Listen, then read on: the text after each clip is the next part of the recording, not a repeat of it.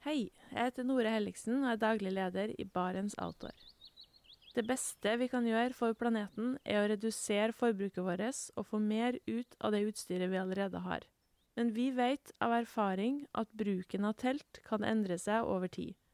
Det teltet du kjøpte for to år siden, passer kanskje ikke det behovet du har i dag. Derfor har vi i Barents etablert en egen panteordning der vi tar imot brukte telt av god kvalitet i innbytte når du kjøper et nytt av oss. Prosessen er enkel. På barentsoutdoor.no gir du oss informasjon om teltet du vil bytte inn. Basert på det får du et tilbud fra oss som gir deg rabatt på ditt neste Barents-produkt. Mer info og betingelser finner du på barentsoutdoor.no. Og husk at den første reparasjonen på produkter fra Barents er alltid gratis.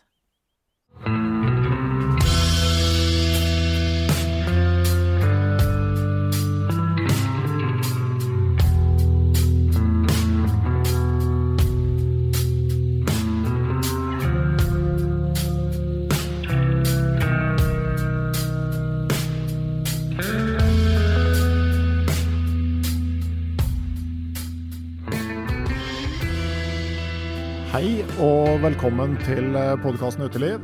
Mitt navn er Randulf Valle, og den episoden her tar vi opp live på Camp Villmark på Nova Spektrum. Til dere som eh, møtte podkasten Uteliv for første gang i dag, så kan jeg jo si at det er en eh, uavhengig podkast som tar for seg friluftsliv eh, med en veldig vid innfallsvinkel. Nye episoder på fredager. Ikke alle fredager, men ganske ofte.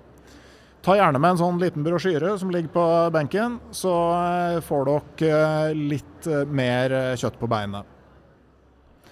Det å leve av naturen, det er jo en drøm som mange friluftsfolk har. Noen klarer å realisere den drømmen. Dagens gjest har faktisk i 22 år levd av Østmarka ved Oslo. Og i denne episoden her skal vi få høre mer både om Østmarka, og hvordan han har klart å gjøre den til et levebrød. Velkommen til Even Saugstad. Tusen takk. Ja. Eh, jeg begynner jo som jeg alltid gjør med podkasten, og spør eh, har du hatt en fin tur eller naturopplevelse nå i det siste? Mange fine naturopplevelser og turer. Når en har Østmarka som nærmeste nabo, så blir det jo det. og Mange tenker sikkert at på Østlandet så har det vært en litt skral vinter, og, men selv om Østmarka ofte har dårligere skiføre enn Nordmarka, så har det vært mange brukbare skiturer i Østmarka. Mm. Hvis du har tid, så kan jeg Du snakker om turer i det siste. Kona mi fikk en idé for et år siden. Vi skal ligge ute en gang i måneden gjennom et helt år. Mm. Alder 60 pluss, så er jo det litt utfordring, men uh, litt nye underlag. Og i det hele tatt så ble det da den første turen i mars i fjor. Og siste turen i lavvo i nærheten av Sandbakken i februar i år. Så da var det altså tolv turer med tolv forskjellige steder, mest i Østmarka. Veldig gode turopplevelser. Kan anbefales. Høres veldig bra ut. Jeg vurderte faktisk når jeg skulle nedover og være her i Lillestrøm-området i ei uke nå, eh, å ta med skiene. Ja. For det, Jeg så jo på skisporet at uh, det var mye løyper i Østmarka. Men da siste værmeldinga kom for helga og sånn, så tenkte jeg at uh, jeg tror kanskje jeg står over den. Ja, jeg tror det var grei, grei avgjørelse. Ja. Men, men eh, for å definere litt, altså sånn eh, Hvordan definerer man utstrekningen til Østmarka? Nå sitter vi jo på Lillestrøm, og det er eh, Østmarka strekker seg nesten helt hit. Så folk som bor på Lillestrøm, går bare tvers over elva, så litt gjennom noe byggefelt, så er det jo Østmarka. De fleste i Oslo-området tenker vel Østmarka inn fra drabantbyene øst for Oslo. Fra Oppsal, Bøler, Haugerud, Bogerud og østover. Der går Østmarka og strekker seg da nesten hit til Lillestrøm, mot Øyeren.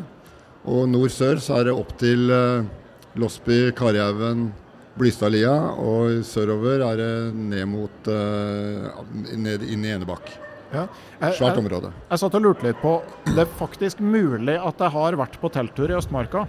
Men jeg er litt usikker på om det er utafor grensa. For at uh, i hene åre dager så var jeg på rekruttskole på Lahaugmoen og hadde Nei. min eneste natt i felt uh, med utgangspunkt i leiren. Men er det for langt nord? Nei, da kan du ikke skryte av Østmarka. Altså, for da er det vel den lille Gjelleråsmarka som kiler seg inn uh, der oppe nord for Stovner. Så kom igjen i Østmarka, på ordentlig Østmarka. Ja, OK. Så nesten holder ikke her, altså. Nei, det gjør ikke det, gitt. Men er det litt sånn at eh, Østmarka og Nordmarka er sånn mer eller Eller at Nordmarka- og Østmarka-entusiastene har en sånn mer eller mindre sånn vennligsinna konkurranse? Er du på en måte enten det ene eller det andre?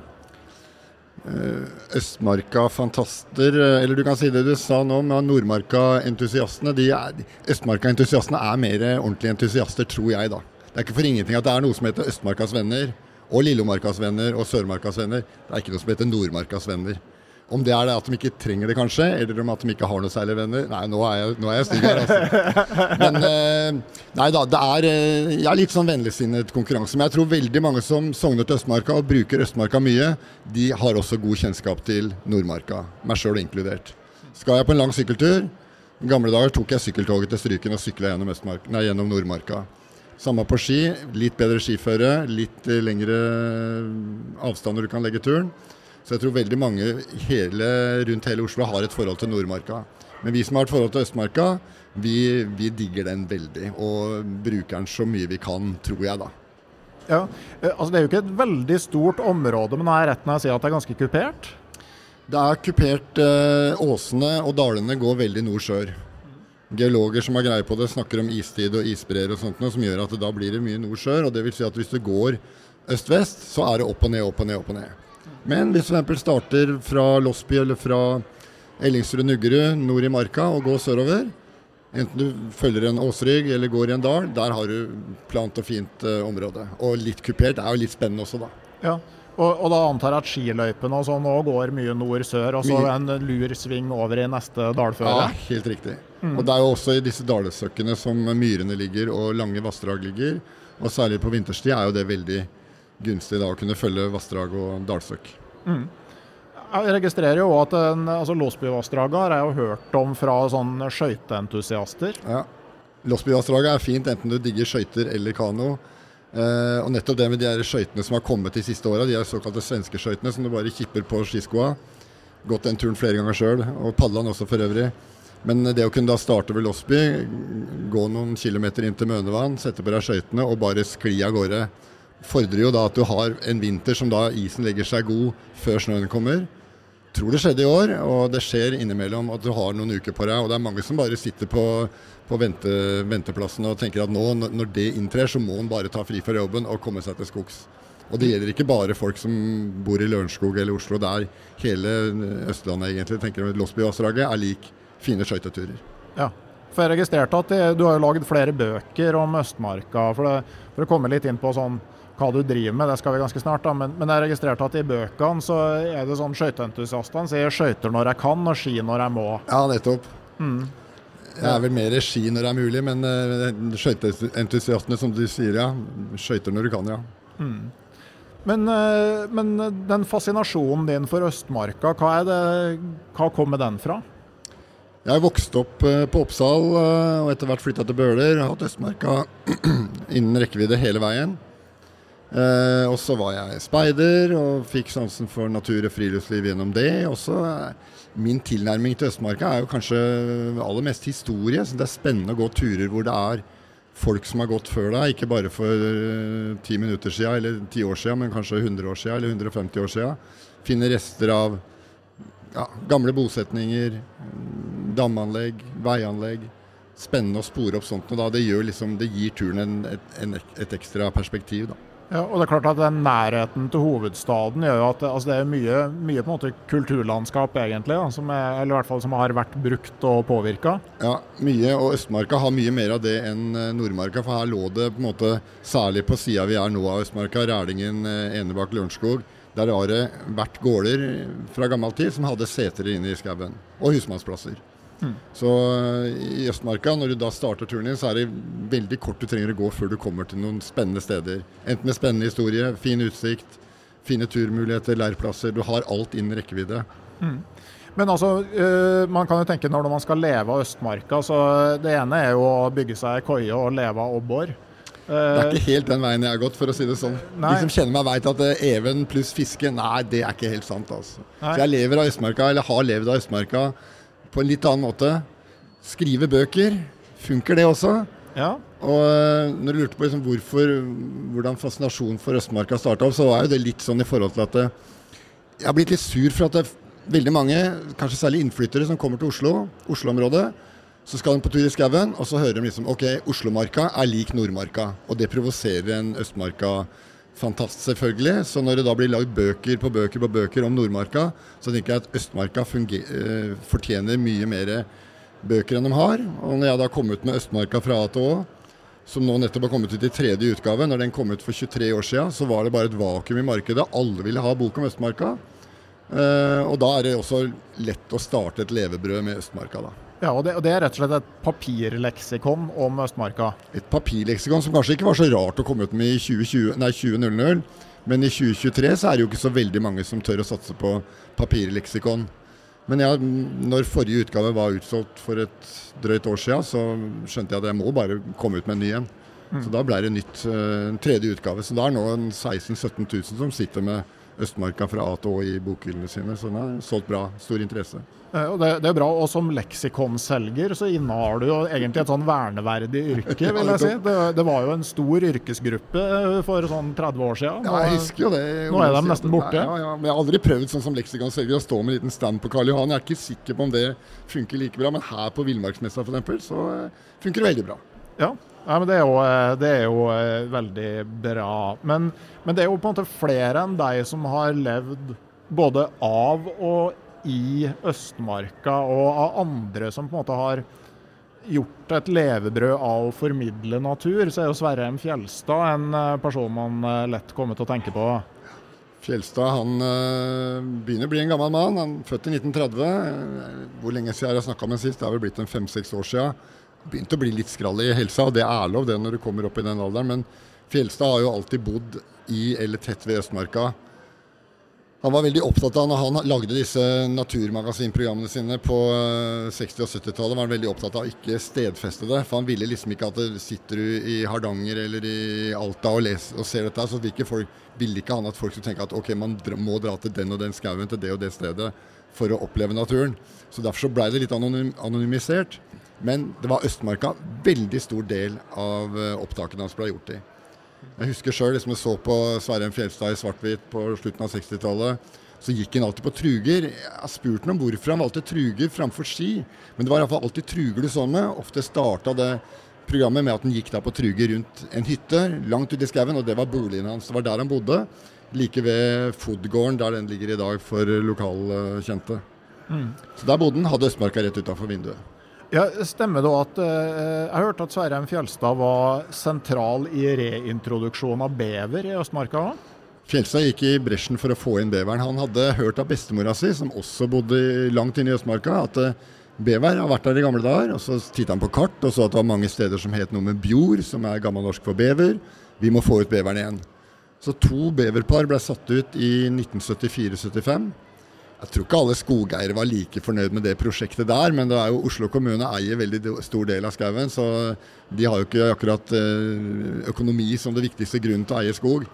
Men beveren formerte seg, formerte seg, formerte seg, så nå er det jo bever i alle vann og vassdrag i hele Østmarka. Den har kommet seg over til Nordmarka og blitt overalt. Og feller jo litt trær, eh, løvtrær, og demmer opp litt og setter litt produktiv granskog og furuskog under vann. Og det er det kanskje ikke skogeierne er like happy med, da. Mm. Når beveren nesten ble utrydda i Europa, og så vidt i Telemark, det var jo noen par. altså Grunnen til det var jo at filthatter lagd av dekkhårene i beverpelsen var ekstremt moderne i en periode. Så da forsvant beveren nesten fra hele Europa. Også i England så forsvant beveren veldig tidlig. fordi at uh, munkene i fasteperioden så kunne de ikke spise kjøtt, de kunne bare spise fisk. Og så når beveren levde i vann, så ble den definert som uh, fisk. Så de kunne spise bever i fastene, og det var fryktelig dårlige nyheter for beveren i England, som forsvant veldig tidlig. Det, det, det, var, det var, nytt for meg og veldig morsomt å høre. Altså ja. Så, men ikke sant, Bjørvika er jo da uh, typisk et sted hvor det har vært bever. Så vi må jo få tilbake beveren der òg, kanskje? Mm, mulig. Mm. På samisk så heter den Maja, så Majavatn eh, ved Børgefjell er jo eh, er jo et sånn bever, beverrelatert eh, navn. da. Men, men det har jo òg vært bosetning. altså både, har jo både vært godseiere og husmenn i, i Østmarka? Mye husmenn, noen godseiere. Og ikke så altfor langt der, fra der vi sitter nå, er jo Losby gods, som jo var liksom det store, store godset. Som man fortsatt kan få litt godsfølelse på hvis en overnatter på det fine hotellet som er blitt her i dag. Mye konferanser, mye golfspillere, men ellers et veldig trivelig hotell og trivelig personale. Det andre store godset i Østmarka, som blei historie for uh, ja, litt over 100 år sia. Det var Sarabråten, som ligger inn fra drabantbyen Oppsal-Bøler-området. Og Da var det Thomas Heftig holdt hus. Eller Han bodde ikke der, han hadde det som representasjonsbolig og feriested. Thomas Heftig er sikkert mange som forbinder kanskje med Thomas Heftigs gate i byen. Kanskje med Turistforeningen, som er var med å stifte. Uh, Heftigvillaen på Frognerseteren. Han satt mange spor etter seg i byen, han Thomas Heftig. Og så dro han da storfolk, kongelige politikere, Eh, kulturpersonligheter inn til det lille stua si på Sarabråten. Husker jeg rett når det var eh, lillebroren hans eller noe sånt som var familiens svarte får? Ja. Han hadde en bror som het Johannes Hefti. Og hvis noen av dere, sikkert mange av lytterne som er mer opptatt av klatring enn av, eh, enn av Oslomarka og Østmarka, men heftig srenne. som ligger på Kan du hjelpe meg? Er det Store Skagastøl? Jeg tror det er på Store. Ja, ja. Og den heftige strendene, den er jo mange som har tenkt at det er sikkert eh, navnsatt etter Thomas Heftig, som starta Turistforeningen. Men nei da, det er sønnen hans, eldste sønnen hans. Som da eh, hadde en disputt med en britisk klatrer om hvem som hadde klatra hit og dit. Og han fant en ny rute opp på toppen der, og den ble hetende da Heftig renne. Så det er da Johannes Hefti, som jo han var familiens sorte for. Han eh, kom i skade for å skyte en gutt som gikk over gårdsplassen hans når han flytta til Trøndelag. Og, kom i skade? Kom i skade for det. Han blei faktisk ikke, han ble ikke tatt for det, for han mente det var i sjølforsvar. Og at gutten gikk over en gårdsplass han ikke hadde lov til å gå over. Er lang historie som er dokumentert i, på mange hold. Og, og, Grunnen til at han holdt til oppe i Trøndelag, eh, han godeste Hefti, var visstnok at eh, resten av familien hadde sendt den lengst mulig unna Oslo-området for, for, å få han vekk. Mm. Men han hadde mye Den andre, bro, andre sønnen hans, altså broren til han eh, familien sorte for, han eh, var en skikkelig kar. Og han ble telegrafdirektør i, i Norge og, eh, og, også bosatte seg på Sarabråten. Men eh, altså sånn eh, vi står jo på stand her sammen med Marius Nergård Pettersen, og han sier jo aldri hvor han har funnet sånne hytter som folk har gjemt seg unna i. Men jeg forstår jo at folk har bodd mer eller mindre lovlig i Østmarka òg? Ja, Marius er veldig kjipen på hvor han opplever det. opplyser om, så Han skriver liksom Jeg kjenner jo noen av bildene i bøkene hans fra at dette, dette, er i Østmarka. Og i Marius sin bok så står det at i nærheten av en større by i Sør-Norge finner man denne hytta. Og da er det bare å begynne å lete. Så det er, det er litt uh, tung kost, ja. Mm. Men jeg har også omtalt både sånne hemmelige hytter og eneboerhytter i, i boka mi, og jeg er jo nøye med å ikke fortelle hvor de ligger. og det er klart Når du finner en sånn bok i en bok som heter 'Østmarka fra A til Å', så er det jo en viss sjanse for at den ligger i Østmarka. Mm. Men noe særlig mer enn det sier ikke jeg, iallfall ikke når det gjelder hytter som står. Mm. Og Du har jo da eneboere bl.a., som du kanskje vil inn på der, med Korpås-Olsen eller Ness-brødrene, som da har hatt boliger og bodd i hele sitt liv inne i marka. Og de, de er jo gjerne plassert sånn at de ikke er spesielt enkle å finne. Det har jo vært litt av poenget med dem det er ikke karer som er opptatt av fin utsikt og vakker beliggenhet og få mye gjester. Bortgjemte søkk og skår og myrsøkk, der, der lå bl.a. hytta til Korpås-Olsen. Ja, hvis du tenker en sånn boligannonse, så er det viktigere med ingen hjemboere ja, enn med fin utsikt. Ja, helt klart.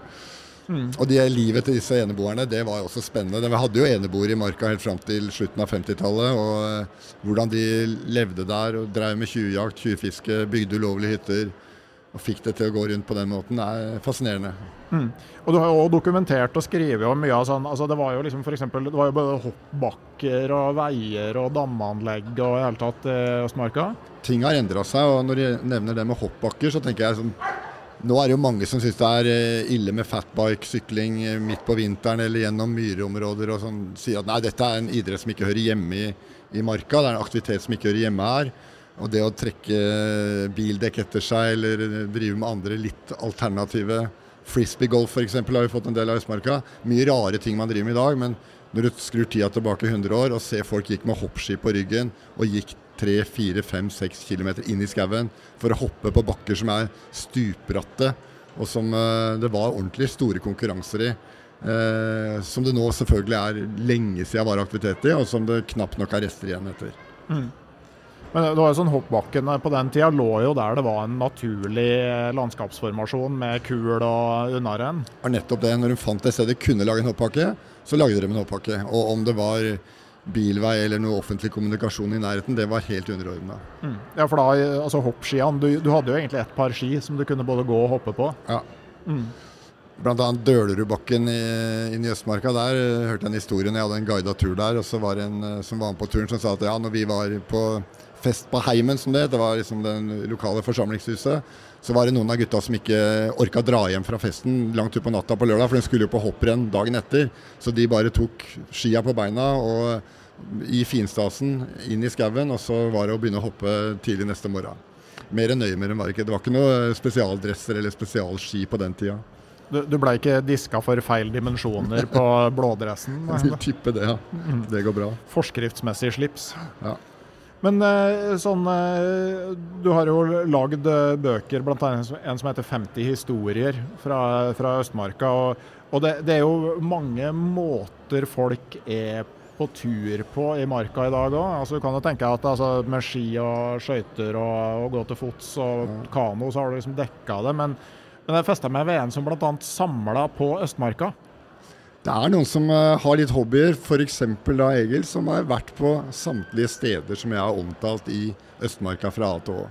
Når du er korrekturleser og skal sjekke at alt er skrevet riktig, og i tillegg da oppsøker 1200 steder i marka, da er du en uh, dyktig medarbeider. Ja. Det er jeg fornøyd med. Ja, Men, men uh, jeg registrerte, ikke sant. Altså, du har jo òg navngitt f.eks. holmer som er neddemt. da. Da blir det å komme på isen over holmene. og Brilleholmen i Nøklevann f.eks., som er, eh, ligger vel en eh, fem-seks meter under vann, da går jeg ut fra at han haka når han var da over isen. Han slapp å dykke ned. Ja, jeg har hørt at han på en måte brukte det som et sånn eksempel, det at han ikke dykka ned til de under, undervannsplassene. Han brukte det som et sånn eksempel på at han hadde beholdt en viss sjølkontroll. Ja, nei, da, han har egentlig god sjølkontroll, ikke noe problem der. Og det er jo flere enn han som gjør spesielle ting. En kar jeg kjenner ganske godt, han fant at når han gikk av med pensjon, så måtte han jo fylle tida med noe. Så han fant at han skulle gå alle blåmerka stier i Østmarka. Så han systematisk gikk til verks, streka opp stien hadde vært på haka av, og etter to års tid så hadde han vært igjennom hele Og så var det selvfølgelig kjedelig for han da at DNT kom på banen og lagde nye blåmerka stier i, midt i områder han hadde vært. Så måtte han gå da noen bomturer før han kom inn til den lille stisnutten. Da, men han kom i mål til slutt. Hvor, hvor mange kilometer med stier hadde han gått til slutt, da? Veit ikke. Les 50 historieboka. Jeg tror det er notert om det, men jeg har ikke huet. Men det er Nei. mange kilometer med både blåmerka stier og rødmerka løyper i Østmarka. Ja. Hva er forskjellen på blå og rødmerka? Veldig mange tenker at rød, fin, god, varm sommerfarve, det er sommerstier. Mm -mm. Omvendt. Blått er uh, stiene for sommerbruk. Uh, rødt er skiløypene til vintersbruk. Og det er omvendt av en del steder det er vel egentlig omvendt av ja, alle andre steder, nei, tror jeg. Nei, nei, nei. En del det er, det er ikke rart at folk uh, går i surr, altså, men det er, har en historisk forklaring med hva du kunne se i skumringa og eh, en eller annen 120 eh, år gammel diskusjon mellom turistforeninger og skiforeninger om hvilken farge det skal merkes med. Men jeg er fullt klar at dette er, dette er bare dømt til å, å kunne bli kluss. Mm. Og vi, Kona og jeg drev jo Sandbakken markastue i mange år, og vi hadde jo lærere innom der som har vært på tur med klassen sin og sagt at du, nå har jeg fulgt en rødmerka sti på denne naturen i hele dag. Og den, de som legger den stien gjennom et myrområde, til og med over et vann, må jo være gale. Og jeg prøver forsiktig å si at nei, min kjære lærer, du, hvis du hadde lest den litt opp på forhånd, så hadde du vist at det blått er stien å følge på sommerstid. Ja, ok. Ja, nei, da veit vi det. Men, men, jeg leste jo om en eh, som uh, gikk hele Oslo kommunes grense. Det virka som et artig prosjekt. Flere har gjort det gjennom tidene. Ja. Bl.a. Uh, Knut A. Nilsen, Knuppers, som jo har begått veldig mange Nordmarka-bøker og Marka-bøker og friluftsbøker. Han hadde det prosjektet på 70-tallet. Skrev artikkel om det i A-magasinet og blei ble etter hvert en bok av det også. Så han gikk Oslos grenser, og så er det folk i nyere tid også som har gått grensene. Og, og da er det jo en god del som En del av turen iallfall går gjennom Østmarka. Mm. Og så er det jo altså det man i eh, Trøndelag kaller gaupeterreng. Da. Altså, eh, og jeg leste om en sånn gjeng speidere som eh, forsvant i to døgn inni der. Ja, det var speidere som var på Bøvelstad ved Børtevann sør i Østmarka, som skulle bare ut på en liten fredagstur på kvelden. Og jeg tror en del av de speiderne jeg snakka med noen av dem etterpå, de trodde egentlig det bare var en manøver som ledere hadde full kontroll over, og lederne hadde overhodet ikke full kontroll over den. Eh, ikke før den på mandag morgen kom til sivilisasjonen ute i Lørenskog et eller annet sted. og Da hadde de overnatta altså to netter ute i ikke noe telt, ingenting. Seint på høsten, lenge før mobiltelefonens tid foreldre som sto på Bysetermåsa og skulle hente ungene sine på søndagskvelden og ikke så noen der, begynte å bli litt engstelig, for å si det sånn. Det kan jeg forstå. Har du gått deg bort sjøl, eller? Noen gang? Jeg har full kontroll. Alt. Nei, jeg har jo ikke det, da. Men ikke så, jeg tror ikke jeg, Jo, jeg, jeg har gått meg, ikke ordentlig gått meg bort i Østmarka. Jeg har alltid noen føling med hvor jeg er, og jeg har alltid med kart. Uansett hvor kjent jeg er, så har jeg med kart. Om jeg ikke trenger det sjøl, så er det ofte jeg treffer folk som jeg trenger å peke ut en vei for, eller kanskje til og med låne bort kartet mitt. Det har også skjedd. Men jeg har, jeg har rota sånn, gått etter naturorienteringsposter at jeg har gått litt utafor. Og så har jeg i gråvær fått uh, blitt uh, snudd rundt i forhold til nord og sør. Så jeg har liksom kommet til et T-kryss og vært sikker på at jeg skulle gå nordover til høyre, og så gikk jeg da isteden sørover til høyre. Så det kan skje, det. altså. Og i Nordmarka hadde jeg ja, Den flaueste turen er vel en vinterstur når jeg gikk av på Stryken og gikk på ski mot Kikkut. og uh, kryssa Hakloa, tror jeg det var langt smalt vann og kom meg over isen i tåka. Og jeg visste at når jeg kom til fastland på andre sida, så skal jeg bare gå til høyre, og da kom jeg bort til der skiløypa var bra videre. Jeg går til høyre når jeg kommer til fastlandet. Det jeg ikke visste, var at jeg hadde kommet til en øy midt i vannet. Jeg hadde gått altfor langt mot sør. Og når jeg da går til høyre, og venter på å finne den videre løypa, så plutselig kommer jeg til mine egne spor igjen. Da hadde jeg gått altså rett og slett rundt hele øya uten å skjønne at jeg hadde runda denne øya. Og det ja, det, det, er mange år siden, så jeg tør å si det nå, men det var vel ikke akkurat det jeg syns var mest eh, stas å ha gjort. da. Jeg kom til kikkert litt etter at de hadde stengt, fikk boller gjennom vinduet. Eh, jeg husker jeg aller første episoden jeg tok opp av den podkasten var med Torbjørn Ekelund. Om den uh, boka om stiens historie. Ja. Og Et av eksperimentene han gjorde der, var å ta toget til helt nord i Nordmarka. Og så begynne å gå uten kart og kompass og GPS. Men han hadde en GPS som lå i sekken for å registrere liksom ruta han faktisk hadde fulgt. da. Og han, beveget, han hadde gått, gått en to-tre mil da, og bevega seg noen få kilometer. Altså, ruta så ut som en sånn, der, sånn EKG på sykehuset rett før en person skal dø. Det, så, så, det er ikke nødvendigvis så lett å, å holde ruta. Men, men, en annen ting er at hvis du ikke vet hvor du skal, så kan du jo per definisjon aldri gå deg bort. Nei, det er nettopp det. Mm. Godt poeng. Mm. Men øh, øh, det er jo også, altså Når du samler sånne historier, så har du jo dedikert ei hel bok til mystikk og overtro i, i Østmarka. Er det, mye, er det, mye, spennende å finne? Og Det er ikke bare Østmarka den boka snakker om, det er Krokskogen og Nordmarka også. Så jeg måtte nok litt over, eh, litt utafor Østmarka for å finne nok spennende til å fylle en hel bok. Men eh, det er mye spennende. Det er ikke nødvendigvis så mye spennende å oppleve i dag av den ting, men hvis en har litt god fantasi og ikke minst for 150 år siden, når folk hadde enda bedre fantasi og kanskje ikke hadde så mye internett å slå på, og så mye lamper og lys og gjøre seg informert om hva som var rundt seg. Da var det veldig mye fantasi som uh, spilte inn. Jeg tror mange av de historiene jeg refererer, historier som er funnet i gamle bøker, avisartikler, også fått gjenfortalt fra, fra folk. Eh, veldig mange av de historiene er nok vandrehistorier som har blitt fortalt Eh, kanskje rundt bålet i en husmannsstue, på en seter. Ikke noe internett, ikke noe TV, ikke noe radio. Så er det greit å få kvelden til å gå med å fortelle historier. Og jo mer dramatiske historiene er, jo mer eh, spennende er det for publikum. Ja, og, og, ikke sant, altså når, det, når det kom en sånn historie da, med et gjenferdsgravfølge på Vangenveien mm. altså Når den historien begynner å spre seg, så vil jeg jo tro at observasjonene av det gravfølget antagelig øke ganske proporsjonalt med spredningen til historien. Kan nok være det, altså. men han, eh, han eh, Johannes Bysæter som opplevde dette, her, han var såpass fornuftig at han begynte iallfall ikke sjøl spredninga av historien. For han visste at det, hvis du har sett et gjenferdsgravfølge, så er det varsel om egen død. Oh, ja. Så da gjelder det å holde kjeft om det. Men heldigvis, når han lå på dødsleiet, for han døde jo selvfølgelig veldig kjapt, i, han kom ut fra en ulykke, han jobba i tømmerskauen. Så var kona hans på dødsleiet og snakka med han, og da fortalte han historien om hvordan han hadde sett etter gravferds uh, gjen, gjenferdsgravferdfølge på veien. da. At det var varsel om egen død. Så, men at historiene da øker, og det er et sted lenger inn i Østmarka, Myrsetra, som, som jeg spora opp eh, tre, tre, historier fra med over 100 års mellomrom. Skumle ting som har skjedd på nøyaktig samme sted. Og da kan du begynne å lure liksom, kanskje det er noe i det. Mm, hva slags skumle ting da? Ja, det var eh, ja, for det, bodde ei dame der som ble kalt for Troll-Eli, og det var ikke så veldig skummelt det hun gjorde, men uh, hun kunne bl.a. Uh, hun, når hun skulle melke kyrne på setra, så slapp hun å sette i gang melkinga. Hun kunne bare sette bøtta under jura og slå tollekniven i veggen, så melka kyrne av seg sjøl. Og det får han vel legge i kategori skumle ting, vil jeg tro. Eh, noen seinere folk der, de så huldra der, og nissen begynte å dukke opp der. og i det hele tatt, Så det var, det var mye rart å kunne se der, da. Men etter at jeg lagde boka, så har jeg spora opp en annen historie som også skjedde der. Og, og folk som var innom oss på Sandbakken, kunne, også fortelle at eh, ja, nærmer deg Myrsetra, det er lenge siden den ble revet, nærmer deg ruinen etter Myrsetra, så kjenner du liksom at det er en sånn dyster, litt sånn merkelig følelse.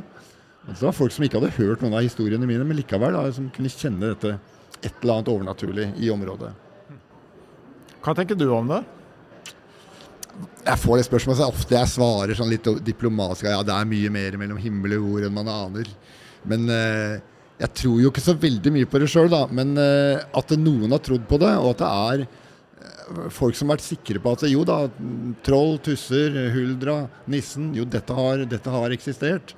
Eh, det er jeg sikker på at folk har trodd på det, men uh, sjøl så er jeg vel mer opptatt av den uh, kulturhistoriske delen med historien. Da, at det er, det er, noe som har skjedd på et sted hvor det har bodd folk, og hvordan det har blitt formidla og alt sånt noe. Mm. Men, men, du har òg jobba altså, i, i, i, Østmarka så er det òg en del sånn markastuer. Hva er historien til dem? Ja, Markastuene har egentlig veldig lang historie i hele Oslomarka. Jeg vil tippe at det er gjennom hele, over hele landet.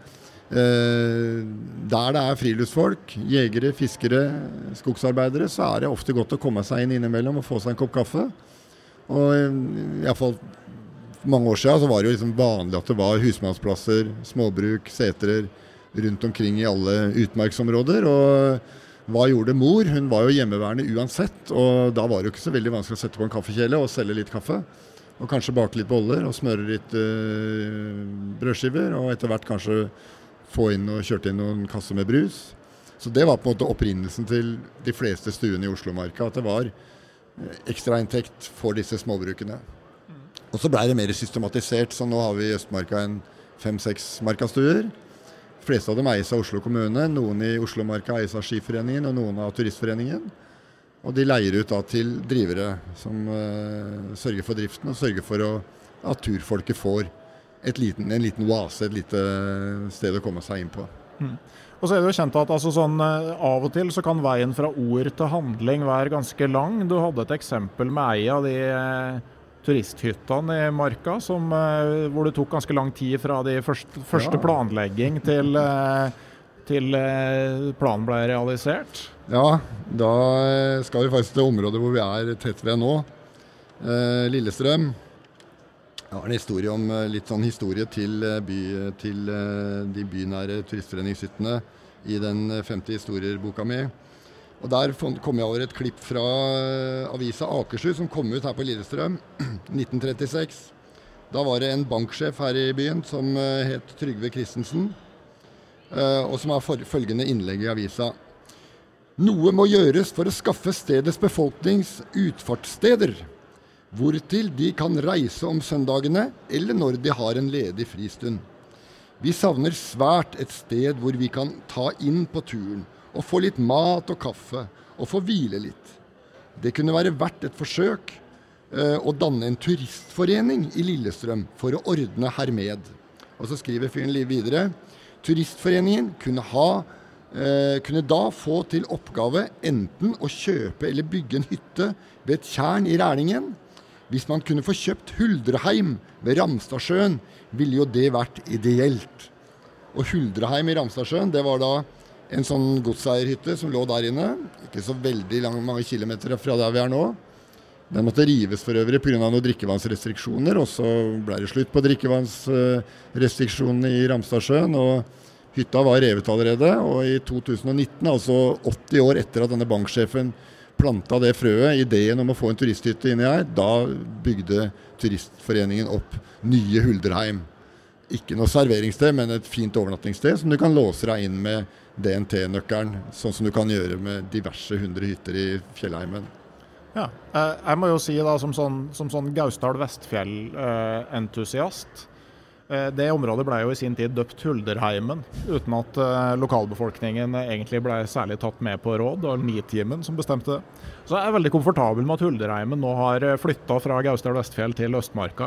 Det er veldig bra for begge parter, hvis du spør meg. Ja, jeg tror det blir bra. Og denne Hulderheim-navnet her inne, det har nok rot i denne rikingen som bodde her en gang i tida. Så det, og det har fått godt fotfeste og blitt veldig godtatt av lokalbefolkningen. Ja, men det, det er fint. Da løste man to problemer på en gang. ja, nettopp. Men hva er dine favoritturer i Østmarka? Eh, jeg er jo veldig glad i Sarabråten, for der er det mye historie. Så hvis jeg har folk utenbys fra som uh, kommer på besøk og vil ha litt sånn uh, instant-tur med mye historie, så tar jeg med dem de fire, nei, tre kilometerne inn fra parkeringsplassen ved Ulsrudvann inn til Sarabråten og peker på litt ruiner og viser fram boka jeg har lagd om temaet og forteller historien. Men ellers er det jo alltid fint med topper og utsikt, og jeg er så heldig at jeg har en hytte ved Mosjøen som jeg ofte er på. Så eh, området litt mer sør i Østmarka, inn fra Bysetermåsan, inn fra Krokol, eh, Sandbakken-området, er eh, helt klart fra favoritter. Og så er det mye topper som er lett tilgjengelig, både Tømmerås og Kjerringøgda. Kjerringøgda har til og med fint branntårn som er restaurert som utsiktstårn. Kort vei fra parkeringsplass. Fint turmål. Mm.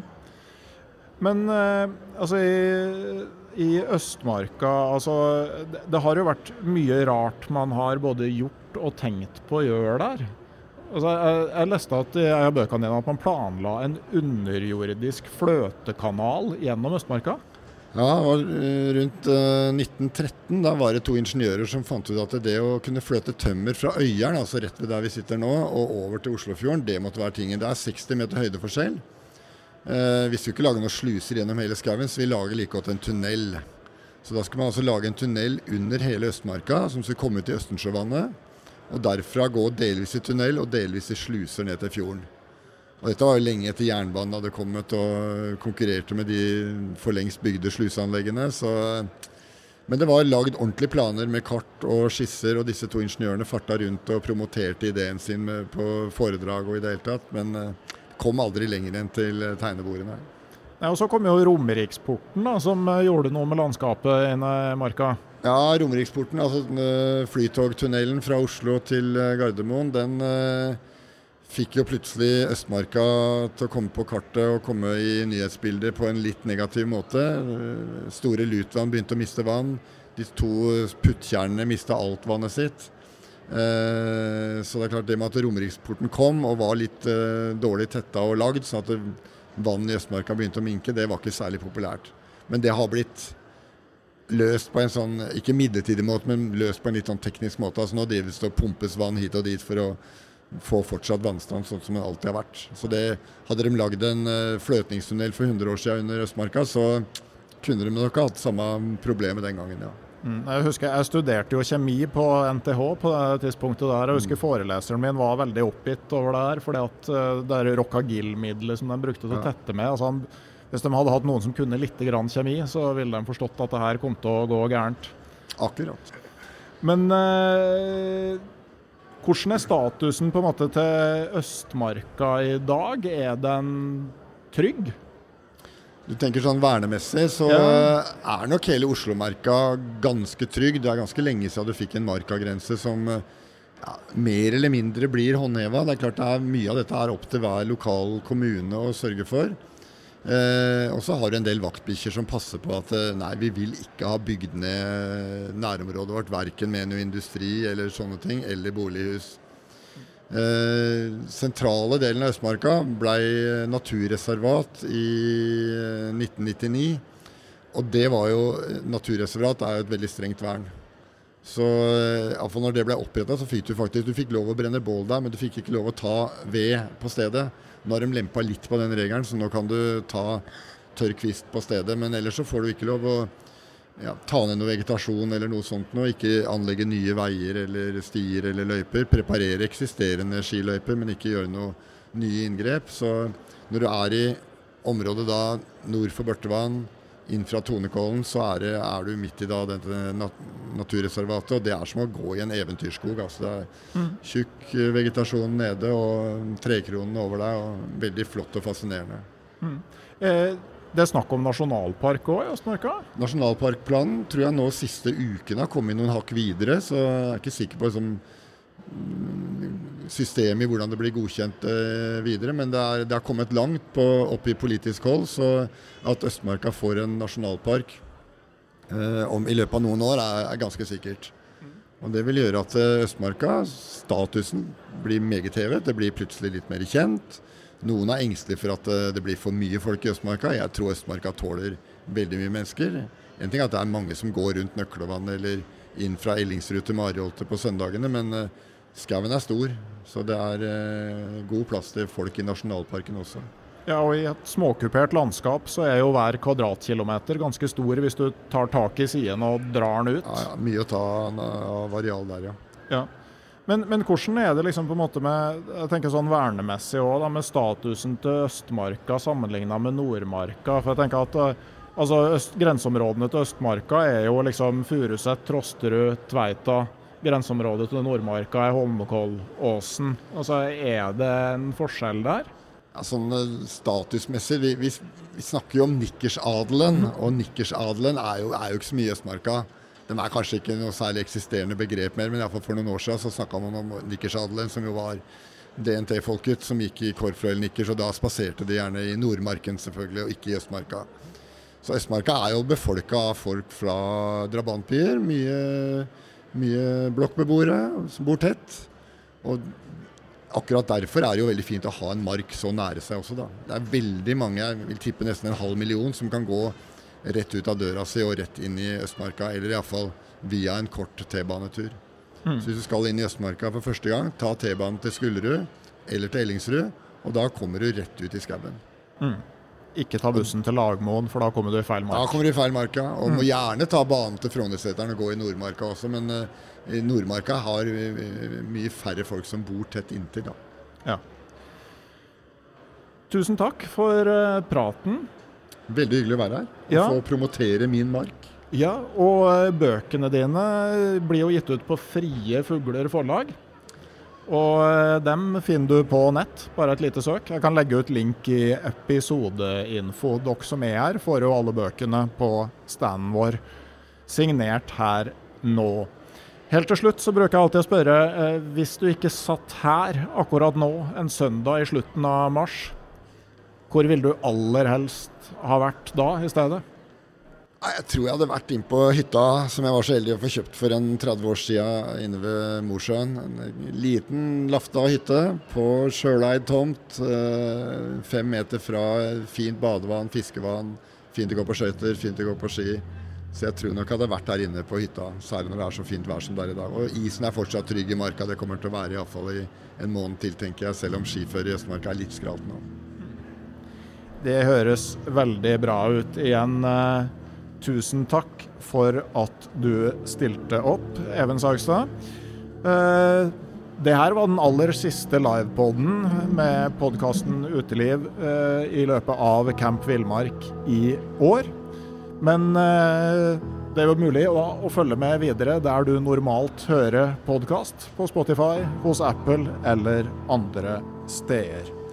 Jeg nevnte til slutt at eh, podkasten Utelivs eh, kommersielle partner er Barents Outdoor AS, som er rett på andre sida av gata her. Og så takker jeg det digitale turlaget på Patrion, som er med å holde podkasten Uteliv økonomisk på veien.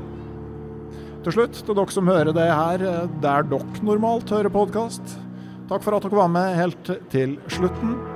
Og om ei uke så kommer det en ny episode av podkasten Uteliv. Ha det bra.